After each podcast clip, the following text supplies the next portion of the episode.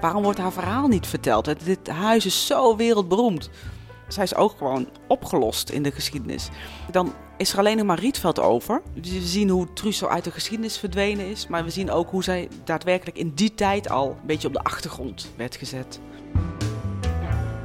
Ik dacht van, oh, maar hier heeft dus een verzetsheldin gewoond. En waarom zien we dat niet? Het, trieste is, haar leven is zo kort dat het ook weer bijna lijkt te gaan vervliegen. Ze heeft een moord gepleegd eh, met het idee goed te doen voor de Nederlandse zaak. Ik denk dat het belangrijk is om die verhalen te blijven vertellen. En misschien ook wel de discussie over te blijven voeren. Maar in ieder geval haar naam te blijven noemen.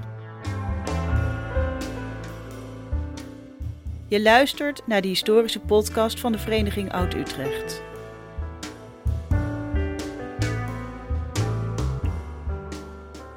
Arjan den Boer spreekt met Utrechtse historici over de geschiedenis van de stad en hun fascinatie daarvoor.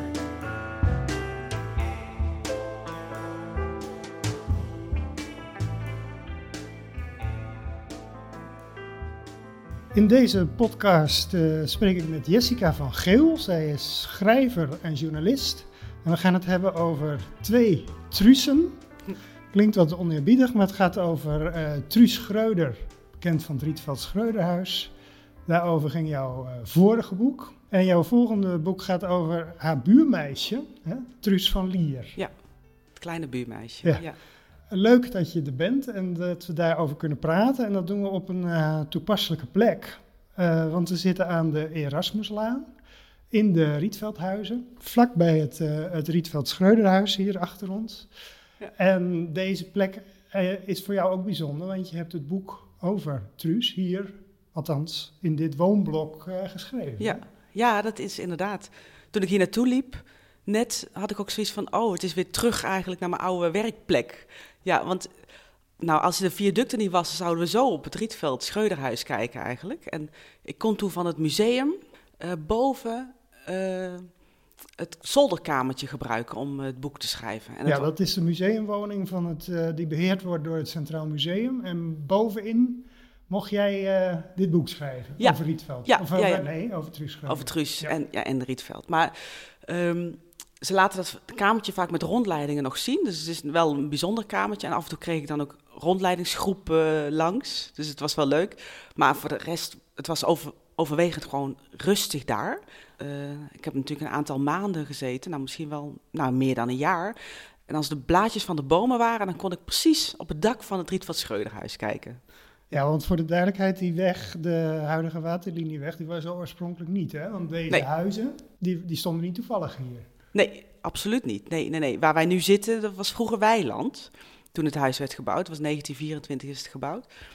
Dat hebben Rietveld en eh, mevrouw Schreuder toen ook juist uitgekozen eh, als plek om het huis te bouwen. Omdat je daarmee uitkeek op eh, ja, de nieuwe Hollandse waterlinie eigenlijk. Ze keken uit eigenlijk op de rand van de stad. Ja, en toen dreigde er hier, waar wij nu zitten, gebouwd te worden. Ja, ja, precies. Dat was begin jaren 30. Op een gegeven moment was de nieuwe Hollandse waterlinie niet meer nodig. Dus toen had de gemeente dit perceel, dat is eigenlijk wat nu de Erasmuslaan is, te koop gezet om bebouwd te worden. En Truus kwam daarachter en toen heeft ze het gekocht met het idee van, nou, dat is mooi. Dan ga ik mijn eigen uitzicht laten maken door Rietveld. Ja, want anders zou een ander gaan bouwen in een stijl die haar waarschijnlijk helemaal niet eh Precies, was. precies. Ja. En dan keek ze daar elke keer op uit natuurlijk. En nu kon ze op haar eigen, tussen aanhalingstekens, eigen keuze van ontwerpen aankijken. We gaan het zo uitgebreid hebben over jouw eh, boek over eh, Truus Schreuder. En daarna Truus van Lier, haar buurmeisje, maar verzetsheldin, waar je nu aan bezig bent. Maar het is wel leuk om even wat achtergrond van jou te weten. Je bent historicus, want je hebt in Utrecht geschiedenis gestudeerd. Ja. Ja, dat voelt echt als een leven geleden, maar dat klopt. Ja, ik heb cultuurgeschiedenis gestudeerd. Vroeger toen ik klein was, zeg maar, wilde ik van alles eh, gaan studeren. En ik heb voor geschiedenis gekozen omdat die verhalen zo... En het gaat zo over mensen en verhaal, dat vond ik echt fantastisch. Dus ik ben afgestudeerd op het radicaal spinozistisch verlichtingsdenken. Eind 17e eeuw in Nederland. En voor de duidelijkheid, Ja. Spinozistisch, dan hebben we het over Spinoza. hè? Ja, dan hebben we het over Spinoza. Ja, het, echt het, het radicale eh, verlichtingsdenken was dat. Ehm, dus daar ben ik op afgestudeerd en altijd met heel veel plezier nog altijd geschiedenis blijven lezen of zo. Maar ehm, met het radicale verlichtingsdenken heb ik eigenlijk nooit meer iets gedaan. Nee. En je bent daarna de journalistiek ingegaan. Ja, klopt. Ja, ik heb, later heb ik de PDOJ gedaan. Dat is zo'n eh, kopstudie van een jaar ehm, in Rotterdam, dat je eh, journalistiek kan gaan studeren. Van daaruit ben ik toen stage gaan lopen bij NRC Next. Die krant van, eh, eigenlijk de ochtendkrant van NRC Handelsblad noemen ze het altijd. Dat was in begintijd echt nog gericht op jongeren. Eh, ik ging daar mijn stage doen en ik ben daar eigenlijk gebleven toen. Het was echt fantastisch leuk natuurlijk. Een nieuwe krant en dat heel goed elan in het begin. En later heb je ook voor de reguliere NRC geschreven. Ja, ja, ja. ja je moet je voorstellen, op, als je op de redactie werkt, dan schreef je stukken voor Next of voor Handelsblad. Dat overlapte elkaar een beetje. Dus je bent daar gewoon onderdeel van de redactie. Ja, dus ik ben ook, ik heb bij Binnenland gezeten, ik heb bij de Zaterdagkrant gezeten van Handelsblad, dus van alles. Dus het was ook niet zo dat je bij de NRC specifiek op historische onderwerpen nee. zat? Nee, ook niet. Nou ja, goed, alles heeft met geschiedenis te maken natuurlijk, maar niet uh, uh, uh, specifiek historische onderwerpen, nee. En toen kwam er het plan, ik ga misschien even snel ja. maar het boek over Truus Schreuder. Ja. Nou, dat is natuurlijk niet alleen historisch, maar ook over de mens, et cetera. Ja. Maar hoe kwam dat uh, vanuit die journalistiek dan, uh, dat idee naar boven? We hadden toen een rubriek, Sprekend heette die, in de krant. En Audrey Bolder, een actrice die ook in Utrecht woont, die maakte toen een solovoorstelling over Beb Rietveld. Dus de dochter van? Ja, de oudste dochter van Rietveld. En het verhaal van Beb is eigenlijk een uh, verhaal van een dochter die teleurgesteld is. Om het heel kort door de bocht te zeggen. Uh, zij wilde schilderes worden en ze kon het ook erg goed. En als kleinkind was het lievelingetje van Rietveld. Rietveld heeft vroeger ook nog aspiraties gehad om echt een, uh, een, een, schilder te worden. Hij heeft ook prachtige oude schilderijen nog gemaakt. Um, maar toen Mondriaan kwam, toen zei Rietveld, de vader dus, tegen haar van... ja, eigenlijk is de schilderkunst dood. Want Mondriaan heeft het toppunt van schilderkunst bereikt... en schilderen heeft geen zin meer. Nou, dat was een teleurstelling voor die dochter. Rietveld had toen ook al de verhouding met Truus Schreuder. Dus hij ging een beetje weg bij zijn lievelingsdochter richting de andere wereld, de nieuwe wereld. De stijl, mevrouw Schreuder. En zij voelde zich verlaten. Uh, dat vertelt Audrey Bolder in dat toneelstuk. Um, heel mooi en uh, um, invoelend. Maar mijn vraag die ik overhield na dat uh, interview was van... ja, maar wie is dan die mevrouw Schreuder... waardoor Rietveld de andere kant op ging kijken? Natuurlijk is er al heel veel over Rietveld geschreven. En ook wel, laten we zeggen, tussen de regels door over Truus Schreuder. Maar nooit met de focus op haar, denk ik. Nee, nee, er is een boekje uit, als ik me goed herinner, 89 van Corrie Nachtegaal. Die heeft uh, nog in het Rietveld Schreuderhuis gewoond. Uh, rond die jaren. Die heeft daar ook uh, de laatste jaren van haar meegemaakt. En die heeft toen wat um, teksten gebundeld van haar in een boekje. Maar dat is, ik denk, 30, 40 bladzijden. Dat is echt een dun boekje, maar wel een mooie ode aan haar. Maar er was eigenlijk nog nooit echt onderzoek naar Truus zelf gedaan. Nou, jouw boek is in ieder geval dik geworden. Ja. uh, ja. Het, het, heet I Love You Rietveld. Dat is een beetje bijna dubbelzinnige titel. Kun je uitleggen hoe die tot stand is gekomen? Ja, um, er moet eigenlijk een komma op de cover bij de titel staan. Er staat I Love You Rietveld, maar het moet eigenlijk zijn I Love You, komma Rietveld. Want die titel die komt van uh, briefjes die uh, Gerrit Rietveld aan Truus Schreuder achterliet. En die onderschreef hij vaak met uh, I love you Rietveld of I-L-Y-R. Dat was gewoon zijn, zijn liefkozende afsluiting van uh, briefjes of lange brieven die hij uit het buitenland naar haar schreef. Maar je kunt het natuurlijk ook uh, omkeren dat dit was wat Truus Schreuder van Rietveld dacht. Ja, precies. Ja, daarom hebben we hem ook voor titel gekozen. Dus je hebt eigenlijk wat hij zegt aan haar, kun je ook omdraaien dat zij dat voelde voor hem. Ja, want is het nou eigenlijk een boek, een biografie van over Truus Schreuder, of is het een boek over hun, uh, over hen samen eigenlijk, Rietveld en Truus? Ja, ik denk dat het uiteindelijk toch echt een boek over hen samen is geworden. Want ik ben natuurlijk wel een beetje in de biografie van, uh, of het verleden zeg maar, van uh, Gerrit Rietveld ook gedoken. Maar met, met Truus ben ik veel verder gegaan, veel uitgebreider haar familiegeschiedenis beschreven. Ook omdat Van Rietveld natuurlijk grotendeels al bekend was. Um, maar het gaat vooral over hun liefde. En wat zij samen hebben gemaakt en hebben meegemaakt. Ze mo- moeten het misschien een beetje op een rijtje zetten. Zij was om te beginnen de opdrachtgeefster van het eh, Rietveld Schreuderhuis. Heeft hebben ze ook samen eh, ontworpen. Maar ze werden of waren ook eh eh, lovers, om het zo maar te zeggen. En dat is heel lang eigenlijk ja, in het geheim, of in ieder geval niemand eh, benoemde dat. Eh, maar na de dood van Rietvelds vrouw, hè, want hij was, was getrouwd met, eh, hoe, hoe heette zij ook weer? Ja, vrouw Gien. Vrouw Gien, Ja, ja, mooie, mooie ja, naam. Mooie naam, ja. Eh, en pas na haar dood is die eigenlijk daadwerkelijk eh, bij Truus Schreuder en in het Rietveld Schreuderhuis ingetrokken. Klopt. Klopt, ja. En, en hoe hebben zij elkaar leren kennen? Ja, joh, het, het gaat over zo'n lange periode. Want dat vrouw Gien overlijdt is 1957. Dus dan komen ze pas bij elkaar. Dan zijn ze al in de 70. Maar wanneer ze elkaar ontmoeten, voor het eerst zien, is 1911. Dus dan zijn ze allebei ja, begin 20 ergens. En ehm Truus Schreuder, moet je je voorstellen, die kwam uit een welgestelde familie. Haar vader was handelaar en zij trouwt in 1911 met een eh, advocaat. En zij gaan dan aan de ehm, Beeldstraat wonen, wat nu de abortuskliniek is. Dus hoe moet je dat uitleggen? Aan het einde van de Beeldstraat eigenlijk. Hè? Ja, ik denk dat mensen dat de kliniek wel, wel kennen. Ja. En dat hele huis was een woonhuis. Ja, en het hele huis, echt een groot huis. Het zijn zes ramen naast elkaar en het is een enorm pand. Eh, dat was van hen, ja. En zij eh, eh, ehm, waren verloofd of getrouwd, dat is onduidelijk. Maar er werd aangebeld op een ochtend door de vader van Gerrit Rietveld en Gerrit Rietveld zelf. Want, want Gerrits vader was ook meubelmaker. Ja, die was een meubelmaker. Die zat in de Poortstraat, Overstraat, in die hoek van de stad.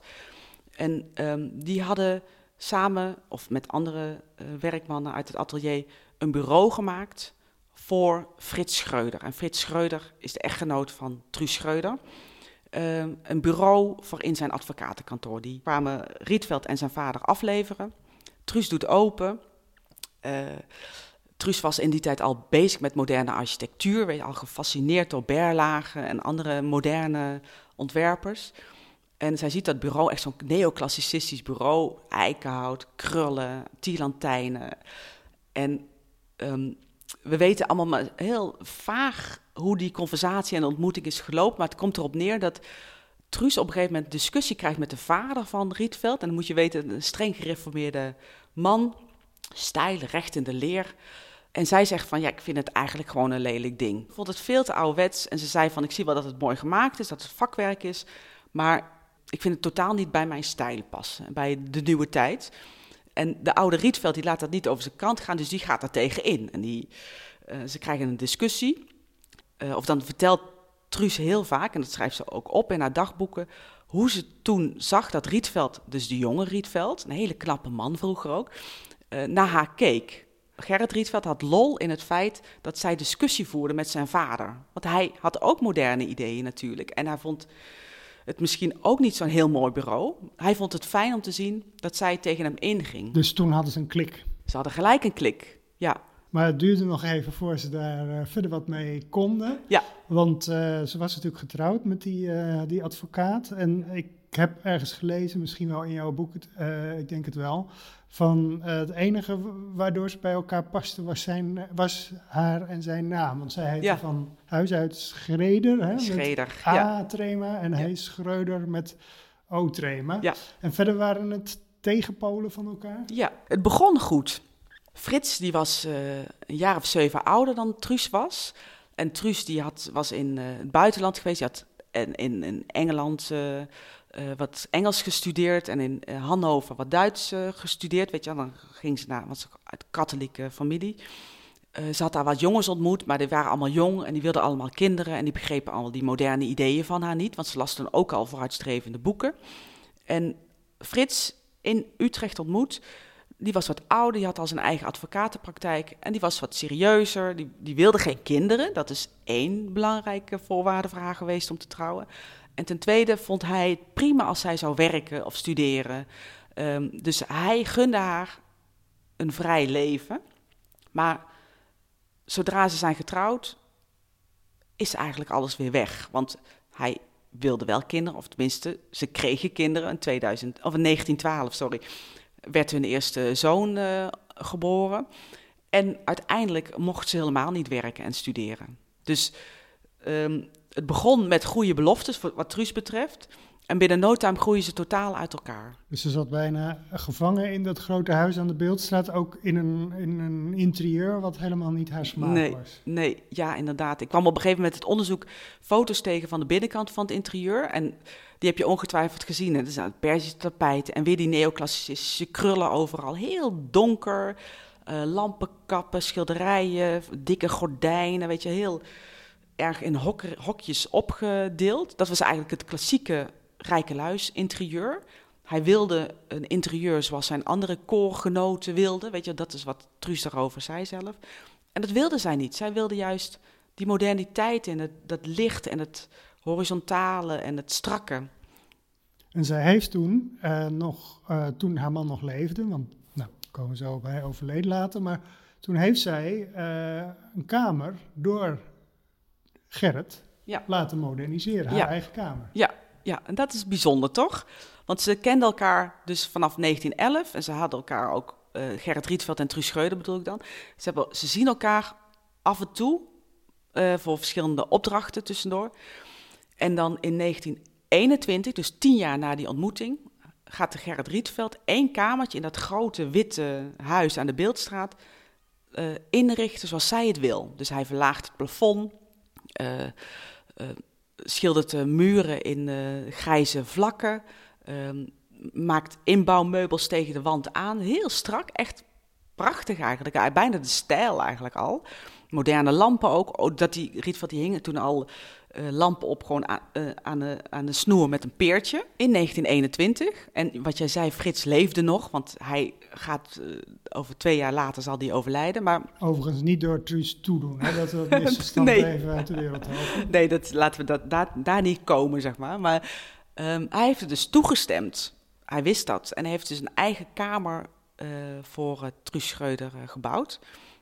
En daar zat zij dan. Dat was haar toevluchtsoord in wat jij net zei, van dat, die gevangenis tussen aanhalingstekens uiteraard van dat huis.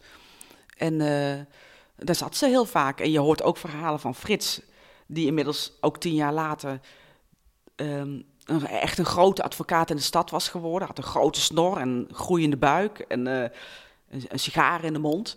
En dan af en toe liet hij aan cliënten dat kamertje zien van Truus. Dat Truus ook heel liefkozend uh, kamer met een mooie grijze noemde. En dan deed hij de deur open, is het verhaal. Dan bleef hij in de deurpost staan. En dan zei hij: Kijk, mijn vrouw is communist. En dan deed hij de deur weer dicht, want hij wilde geen stap in dat kamertje zetten. ja. Maar goed, na zijn dood, uh, toen besloot zij om een heel ander soort huis te gaan uh, bouwen. Ja, ja, absoluut. Hij overleed in 23. Um, zij wilde weg uit dat grote huis. Dus ze had boven woonde bedienden. Ze had inmiddels drie kinderen.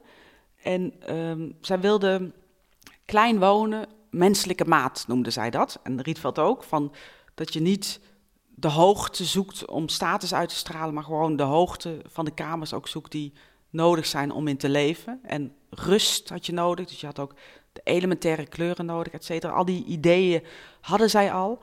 En uh, Truus zet het huis te koop en ze gaan samen op zoek. Dus Gerrit Rietveld, die inmiddels zijn atelier in de Aarde van de Stadelaan uh, heeft.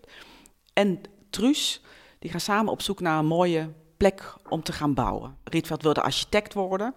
En dit was natuurlijk zijn ideale eerste opdracht. Ja, want voor de duidelijkheid, uh, die kamer had hij dan weliswaar ingericht, maar dat ligt nog op het snijvlak van meubel maken. Uh, hij was eigenlijk geen architect. Ja, hij had wel een paar etalages uh, gemaakt voor winkels. Maar dit was zijn eerste grote architectuuropdracht, zijn eerste woonhuis ook. En zij vonden um, dit plekje. En je moet je voorstellen, wat we net, waar we net over hadden, van dit was dus allemaal waar we nu zitten, uh, landschap. Prins Hendriklaan was er al, die gebouwen waren er ook al. Dus dat liep zo het park uit, richting de kazerne, richting Rijnauwen. En het andere huis tegenover, waar nu het Rietveld Schreuderhuis staat, dat heet ook Stadsend. Dat staat ook nog op het huis, dat zie je. Dat was echt het einde van de stad. Maar dat perceel was nog vrij. En de soldaten Die kwamen daar hun behoefte doen. De honden werden daar uitgelaten en er werd wat rotzooi neergegooid. Het was ook een blinde muur van het laatste, ene Ja, la- wat nu het ene laatste huis Ja. is. Hè? Het was echt een blinde muur en dat perceel moest nog bebouwd worden. Alleen er was nog geen aanvraag voor geweest om te gaan bebouwen. En dat, dat, hebben, dat hebben zij toen vrij snel gedaan.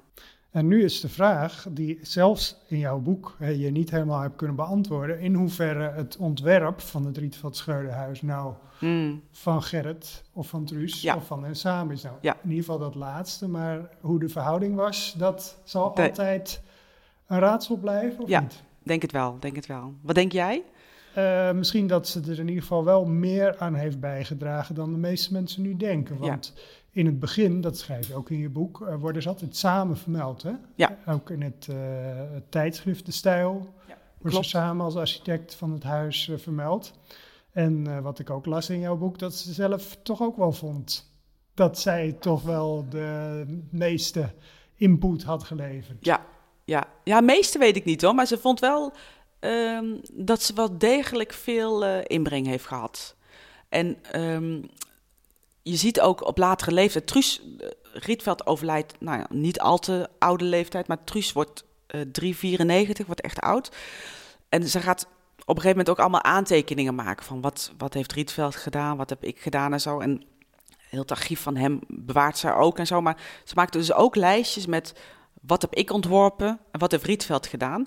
En ehm, dat gecombineerd met veel onderzoek wat ook naar Rietveld is gedaan, blijkt toch wel dat eh, de grofweg, zeg maar, de buitenkant van Rietveld is, maar het interieur erg van Truus. Ja, want zij was feitelijk interieurarchitect, zou Ja. je kunnen zeggen. Zeker, daar lag haar interesse. Ze had niet een opleiding of zo daarvoor gedaan. Maar goed, Rietveld ook niet als architect. Ehm, maar da- daar, ehm, daar was zij in gespecialiseerd. Dus Als zij samenwerken aan opdrachten op een gegeven moment, dan zie je ook dat zij eh, de, nou ja, de binnenhuisdingen vaak ontwerpte. Dus Ja, dat slimme geldt, greepjes. geldt geloof ik ook hier hè, voor de Erasmuslaan waar wij- Ja. wij nu zitten. Dat zij de kleuren van de wanden, dat soort dingen eh, bepaald heeft. Ja, klopt. En de, de zitjes en ehm, weet je, strijkplanken die je kan wegwerken en de, de deurtjes en de kastjes en zo. Dat soort dingen. Daar, hoe je kan wonen op een betrekkelijk kleine ruimte. Want als je woont op wenselijke maat, dan woon je dus per, per definitie dan een beetje klein. Dat kon zij heel goed oplossingen voor verzinnen. Ja, Maar dat hele idee van die flexibele indeling, hè, want je, als je nu naar het Rietveld Schreuderhuis gaat, dan krijg je zo'n eh, rondleiding en dan eh, wordt alles Ja. eh, alle kanten opgeschoven van een open ruimte tot allemaal kamertjes. ja, Dat komt toch ook wel, die wens in ieder geval, komt bij haar vandaan. En de uitwerking misschien dan van Gerrit. Ik denk het wel. Hij had wel eerder schuifelementen gebouwd. Maar je moet je voorstellen, ehm Truus heeft in haar hele leven eigenlijk altijd boven gewoond. Ook in de beeldstraat woonde zij boven het advocatenkantoor.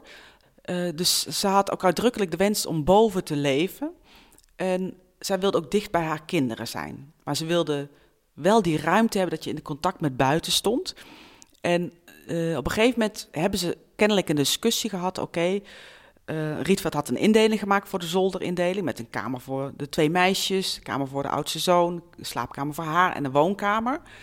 En toen zou Truus hebben gevraagd van, maar kunnen die muren ook weg? Nou, die konden weg, maar dan had je ja, één grote open ruimte. En toen hebben ze samen, en dat is dus de vraag, is dat Gerrit of Truus geweest, schuifwanden bedacht. En Gerrit vond het eigenlijk geen mooie oplossing, hoewel hij het er wel al had toegepast. Omdat je dan allemaal rails aan de onderkant en boven krijgt. Krijg je allemaal, wordt het vlak van de, de vloer en het plafond wordt dan eh, doorbroken. Maar zij wilde dat graag, omdat je dus daarmee een ritme in het huis kreeg, waarmee je alles gesloten kon houden en alles open kon zetten.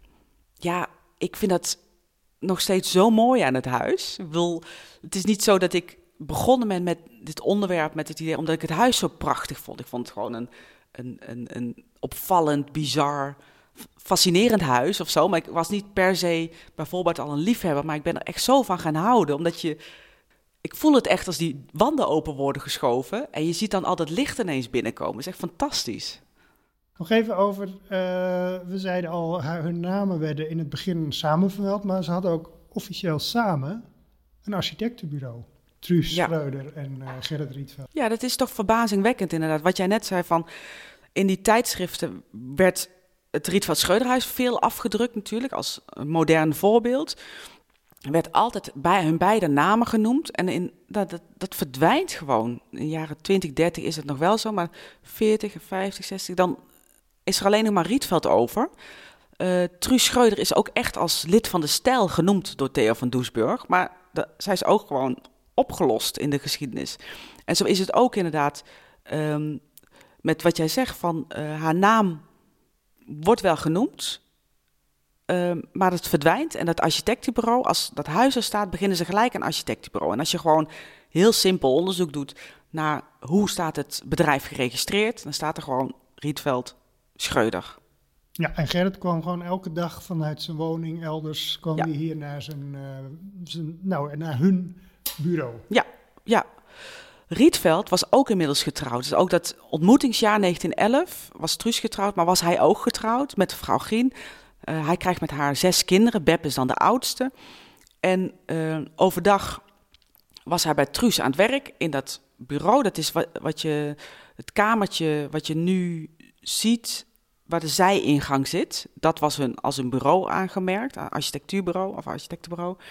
En um, uh, s'avonds ging Rietveld weer terug naar, uh, naar zijn vrouw, vrouw Grien. Ja, en dat was toch eigenlijk wel een, uh, een tragische figuur, hè? zeker op de duur. Ja, ja het is, ik, vond, ik, had, ik heb het echt met vrouw Grien te doen. Dat was een verpleegster die ook getrouwd was, gereformeerd. Dus je hebt ook die katholieke wereld van Truus en dan die gereformeerde wereld van Gerrit Rietveld. Zij was ook gereformeerd, geloof, was een, een serieus gelovige.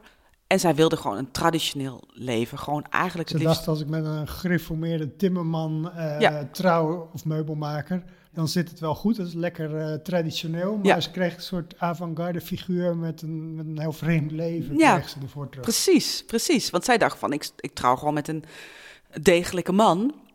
Uh, die zal op zijn vader gaan lijken, weet je wel. Maar hij kwam bij de stijl en alle muren werden ineens wit geverfd. Alle persen tapijten moesten eruit. Uh, mevrouw vrouw had een harmonium, zo'n huisorgeltje waar ze graag op speelde en uh, bijbelse liederen op zong.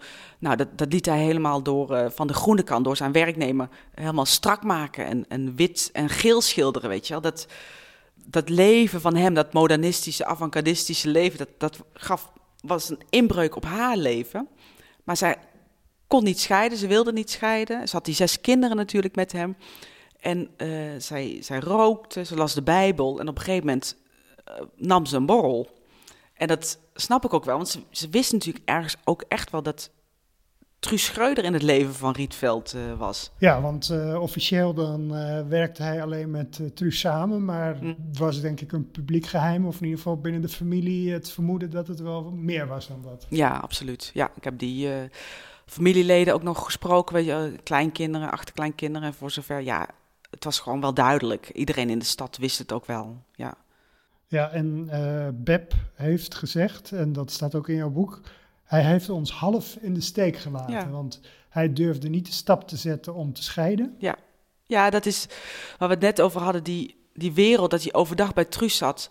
En in, uh, in de avond en het weekend weer bij vrouw Gien en zijn kinderen. Dat is natuurlijk half. Het is natuurlijk, had natuurlijk een, wat je nu een dubbelleven zou noemen, weet je wel. En, en het was ook niet zo, want mensen zeggen ook wel eens tegen mij van... ja, maar het was ook die tijd, het was moeilijk om te scheiden. Maar hij zat natuurlijk inmiddels in die avant-gardistische wereld. Theo van Doesburg was gescheiden. Het was gewoon heel veel kunstenaars namen minnaressen mee als ze langskwamen bij het huis. Het was niet, hij zat niet in die wereld waarin dat oude traditionele huwelijksmoraal nog hoogtij vierde of zo. Hij had dat gerust kunnen doen. Ik denk dat hij ook beschermend naar haar toe wilde zijn. Maar ja, wat maak je allemaal wel niet kapot, hè? Want dat doe je natuurlijk wel als je zo half alles en, doet. En voor de kinderen, met name Beb, is dat dus een hele lastige situatie geweest. Ja, ja ze heeft er echt onder geleden. Zij is de Vrouw Gien natuurlijk ook en de andere kinderen ook. Maar uh, Beb heeft zich daar het meest duidelijk ook over af, uitgesproken. Dat ze echt geleden heeft onder die, uh, die affaire. Ja. ja. Ik wil nog heel even terug, omdat ik dat ook interessant vind. Uh, dat ze dus samen dat architectenbureau hadden. Truus mm -hmm. Schreuder en Gerrit Rietveld. En dat, zo schrijf jij, beschrijf jij dat ook, dat eigenlijk Truus niet of steeds minder meeging naar klanten. Omdat hij haar toch als vrouw ja, ja. minder serieus namen. Ja, ze gingen in het begin met z'n tweeën. Ze hadden vrij veel uh, klanten uit de, de, zeg maar, de high society uh, van Utrecht. En um, eh, mensen die hier in de omgeving buitenhuizen wilden of uh, in Zeist wilden gaan wonen en zo. Ehm, in eerste instantie ging hij, of ging zij mee, ging ze met z'n tweeën. En je ziet dat zij steeds vaker op het station blijft wachten of in de auto blijft wachten, omdat de opdrachtgever toch echt de architect wil, de man om tafel wil hebben. En uh, ik denk dat Truus zich ook wel degelijk altijd in discussies heeft bemoeid, zeg maar. Maar ze wilde haar er gewoon niet meer bij hebben. Dan zie je ook die, die, we zien hoe Truus zo uit de geschiedenis verdwenen is. Maar we zien ook hoe zij daadwerkelijk in die tijd al een beetje op de achtergrond werd gezet. Maar je zou ook kunnen zeggen, dat is toch ook wel aan Rietveld te wijten. Want die had uh, dat misschien anders kunnen aanpakken door haar wel mee te nemen. Dat is zo.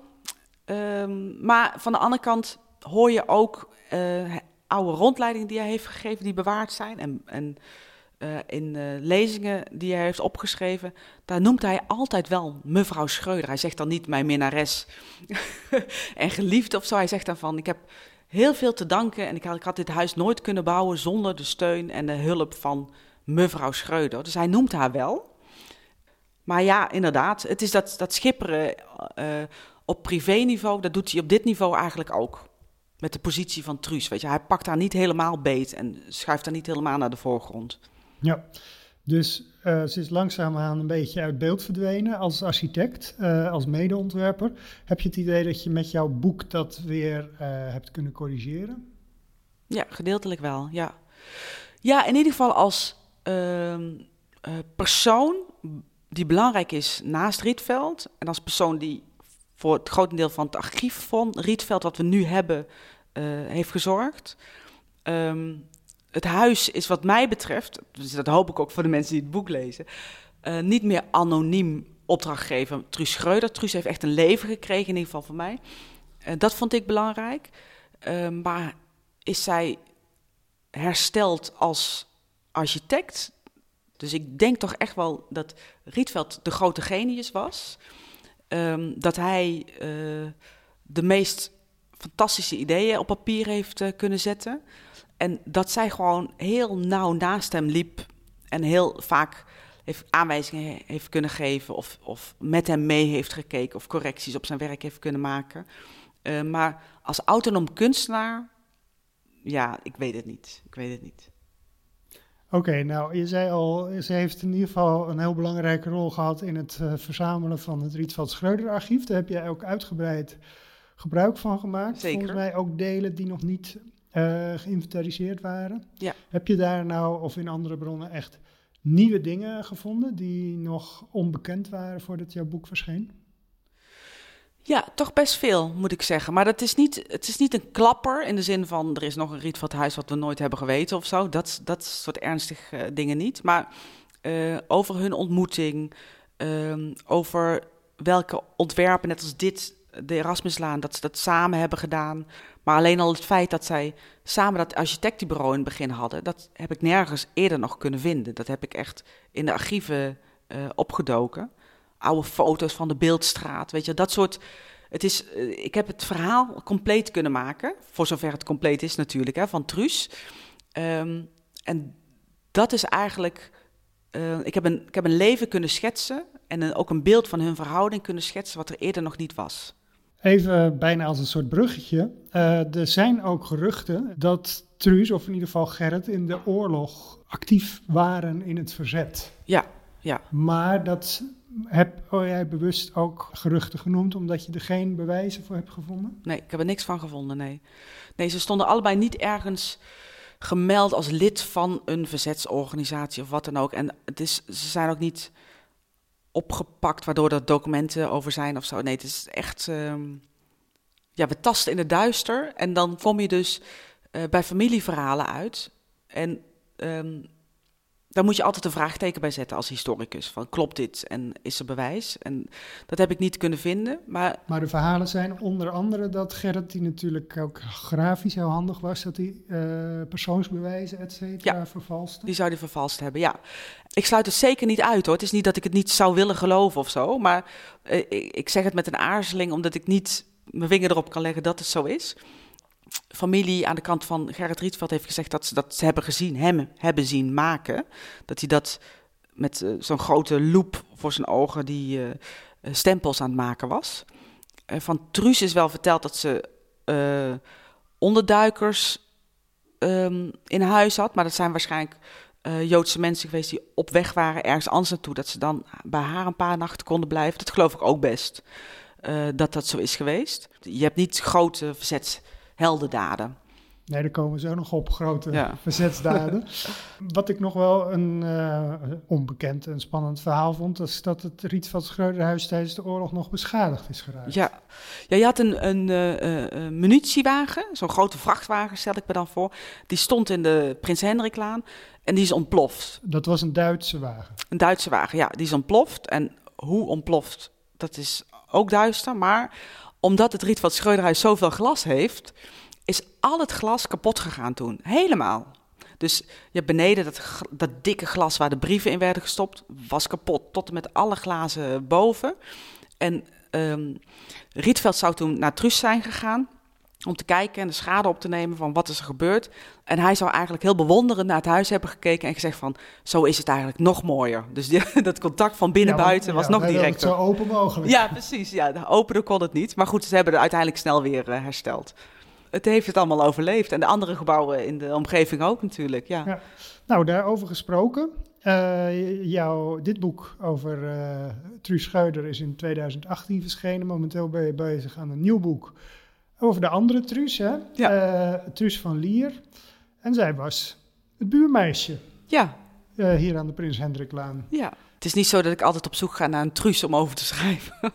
of dat ik per se de hele Prins Hendriklaan uh, wil beschrijven. Maar, Overigens even tussendoor wel altijd liefst naar een vrouw? Of maakt dat niet uit? Is dat ook toeval? Nee, dat is ook toeval inderdaad. Ik vond dit, vond Truus Schreuder vond ik wel echt, was echt specifiek een vrouw. Omdat ik dacht van, waarom wordt haar verhaal niet verteld? Dit huis is zo wereldberoemd.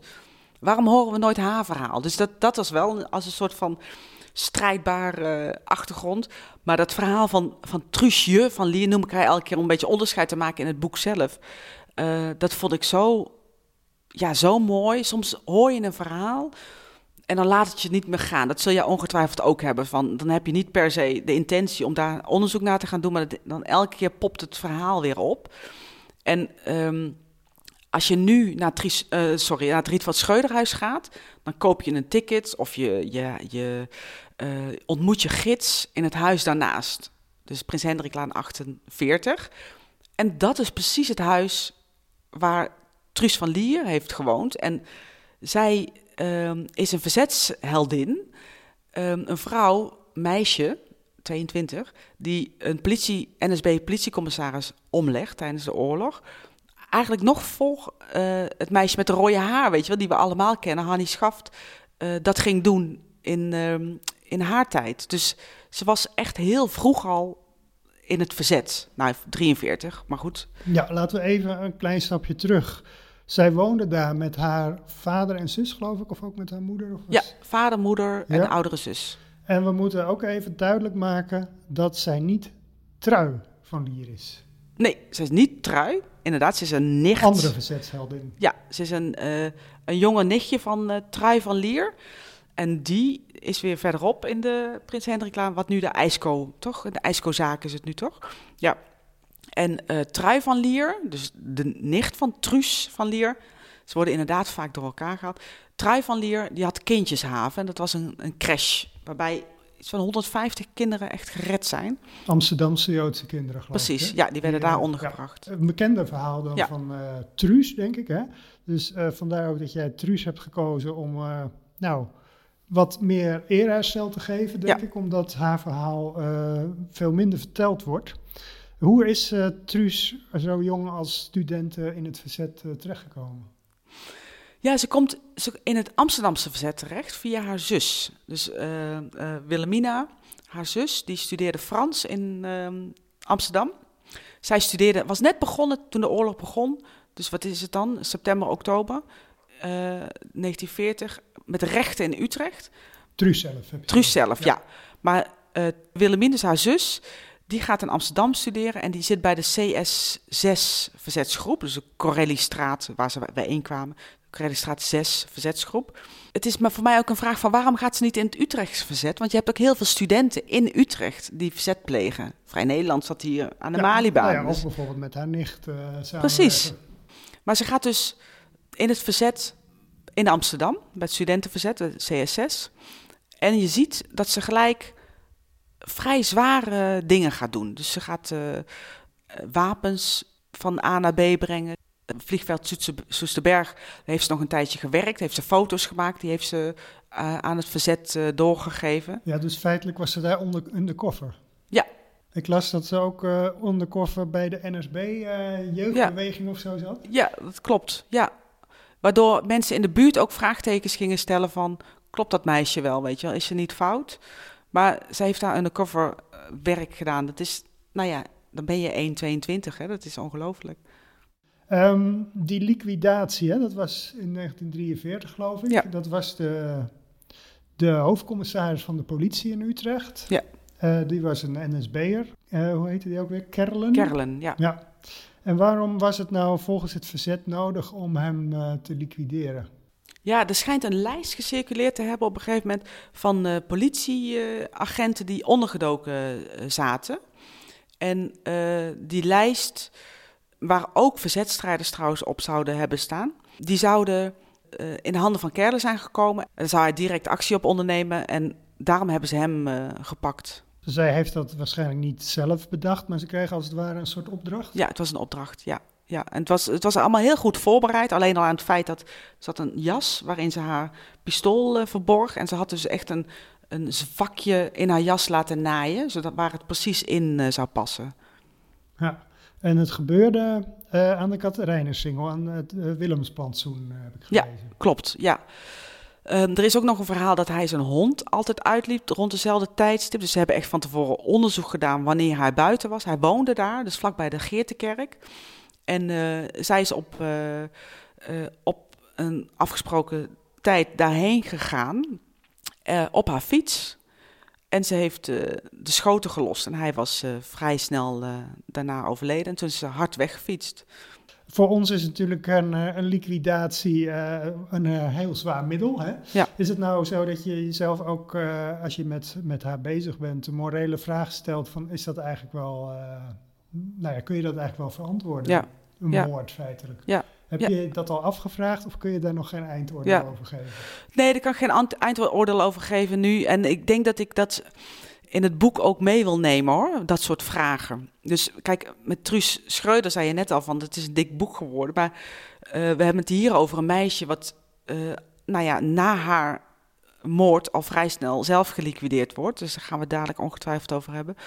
Ehm, dus haar leven is zo kort. Het is 22 jaar geweest. En er is heel weinig. Ze heeft natuurlijk heel weinig opgeschreven nog. Eh, en ik vind het juist ook interessant om dat soort vragen, juist die vraag die jij nou stelt, om die mee te nemen. Van is dat is zo'n middel. eh, hoe denken we daar nu over? Hoe denken we aan haar terug? Hoe herinneren wij haar? En hoe herinneren wij die zaak? Want het is nogal wat om ehm, nou ja, sowieso in het verzet te gaan. En sowieso om dat soort spionagehandelingen te verrichten. Maar ook zeker om iemand te vermoorden. Want het is natuurlijk een moord. Ja, en je zou ook nog kunnen denken, eh, ook om iemand, zo'n jong meisje, die opdracht te geven. Ja. Daar kan je ook weer moreel eh, vraagtekens bij zetten, want Ja. het heeft wel ook haar eigen dood eh, betekend. Zeker. Want dat zei je al, ze is vrij snel daarna opgepakt. Ja, ze is, ze is ondergedoken in Haarlem. Eh, na die liquida nadat zij eh Kerle had vermoord. En toen is ze snel verraden door een Joods meisje wat in datzelfde CS6-verzet zat. Zij is opgepakt en heeft in verschillende gevangenissen gezeten, ook onder andere hier in Utrecht, toen in Amsterdam. En toen is ze naar Sachsenhausen gebracht. En zij is in november, dus die moord was in september, en in 24 november is ze al gefusilleerd. Eigenlijk is zij, nou vergeten is ze niet, maar jij vindt wel dat zij ondergewaardeerd is. Ja, ik vond, eh, wat mijn verbazing schetste, want ik kwam dus op haar, omdat ik dus veel in het Rietveld Schreuderhuis kwam. En ik op een gegeven moment dat verhaal van Truus van Lier mij te oren kwam, dacht ik dus, als ik dus in dat ticket office van het Rietveld Dat Schreuderhuis je was. daar iets van zou moeten zien. Ja, ook, eh. Ik dacht van, oh, maar hier heeft dus een verzetsheldin gewoond. En waarom zien we dat niet? Terwijl als je inderdaad naar die ijssalon gaat, naar Trui van Lier, bij, van het Kindjeshaven, haar nicht, dan zie je wel een mooie plaquette. En daar, daar is best veel informatie over te vinden van wat zij eh, heeft gedaan en aan, aan goede daden, aan verzetstaden heeft gedaan. Maar van Truusje weet je het eigenlijk niet. Je hebt de mooie narcissen, Ja, dat moeten we even uitleggen. Ja. Aan de Katerijnen-singel. Ja, dus eigenlijk de plek waar de moord eh, gepleegd is. En dat is eigenlijk aan de, aan de walkant. Hè? Dus je ziet, nou ja, elke lente zie je daar de letters Truus opbloeien. En eigenlijk vraagt iedereen zich elke keer weer, elk jaar weer opnieuw af, waarom Truus? Ja, niemand die het weet. Althans, ik wist het ook niet. Ik had Nee. ze ook wel eens gezien, die letters.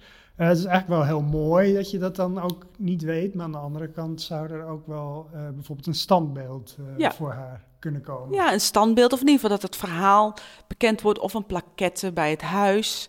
Ehm, dat je in ieder geval weet dat dit gebeurd is. Want het, het, trieste is, haar leven is zo kort dat het ook weer bijna lijkt te gaan vervliegen. Terwijl ze heeft een moord gepleegd eh, met het idee goed te doen voor, eh, voor de Nederlandse zaak. Ehm, en daar kun je inderdaad over discussiëren, maar binnen de context heeft zij verzet gepleegd. En ehm, ik denk dat het belangrijk is om die verhalen te blijven vertellen. En misschien ook wel de discussie over te blijven voeren. Maar in ieder geval haar naam te blijven noemen. Welke bronnen eh, ga jij nu gebruiken? Ja, zodra de archieven weer open gaan. Goeie vraag. Goeie vraag. Ja, ja. Nou, het eh, CSS-archief bij het Dus die- NIOD. Die, ja, verzetsgroep uit Amsterdam. ja. precies, die verzetsgroep. Je hebt natuurlijk het Amsterdamse archief, omdat je natuurlijk echt in het Amsterdamse verzet hebt gezeten. Eh Sachsenhausen, dat zal niet veel zijn, maar daar wil ik ook naartoe. Utrechts archief, eh, uiteraard. Ehm, die oudere zus van haar, Wilhelmina, die ehm, heeft de oorlog overleefd. En die heeft in de jaren tachtig, zij is naar Engeland gevlucht in die tijd. En ze heeft in de jaren tachtig nog een interview eh, afgegeven over eh, haar zus. Dus er is wel van alles. Die Van Lier-familie is ook een hele muzikale familie in de stad geweest. En een notabele familie. Daar is ook veel onderzoek naar gedaan. Dus er is wel heel veel te zoeken. Maar je hoort het al aan hoe ik het zeg. Het is allemaal ehm, bijna eh zijdelings, zijdelingse bronnen zijn het. Het is niet zo dat ik verwacht dat Truus van Lier uiteindelijk nog hele dagboeken heeft bijgehouden of zo. Het is allemaal bijkomend eh, bewijsmateriaal. Dus ik sta ook echt met lege handen nu.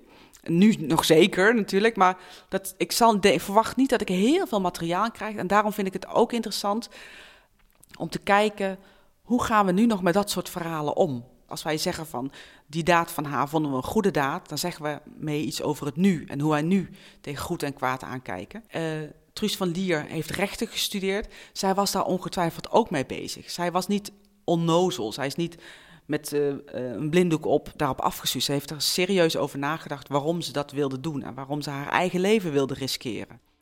Nou, je hebt eh, eerder dit jaar het CSS Kronen Stipendium gekregen om aan dit boek te kunnen werken. Dus Ja.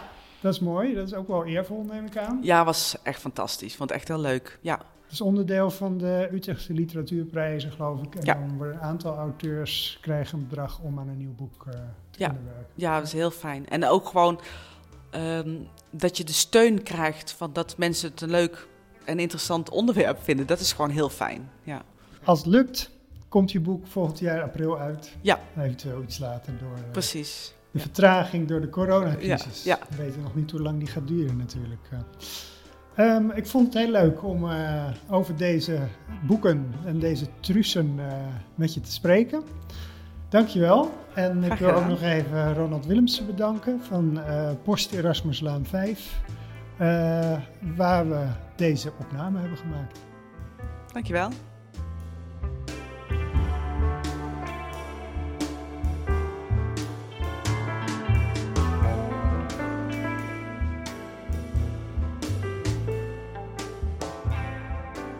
Je hebt geluisterd naar de historische podcast van de Vereniging Oud-Utrecht.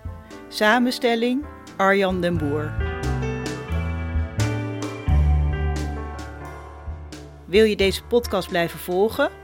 Abonneer je dan via de gebruikelijke platforms of via www.oud-utrecht.nl.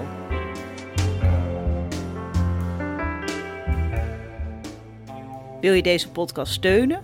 Word dan lid van de Vereniging Oud-Utrecht en je ontvangt ook zes keer per jaar het tijdschrift Oud-Utrecht, het jaarboek en de uitnodigingen voor activiteiten. Meer informatie www.oud-utrecht.nl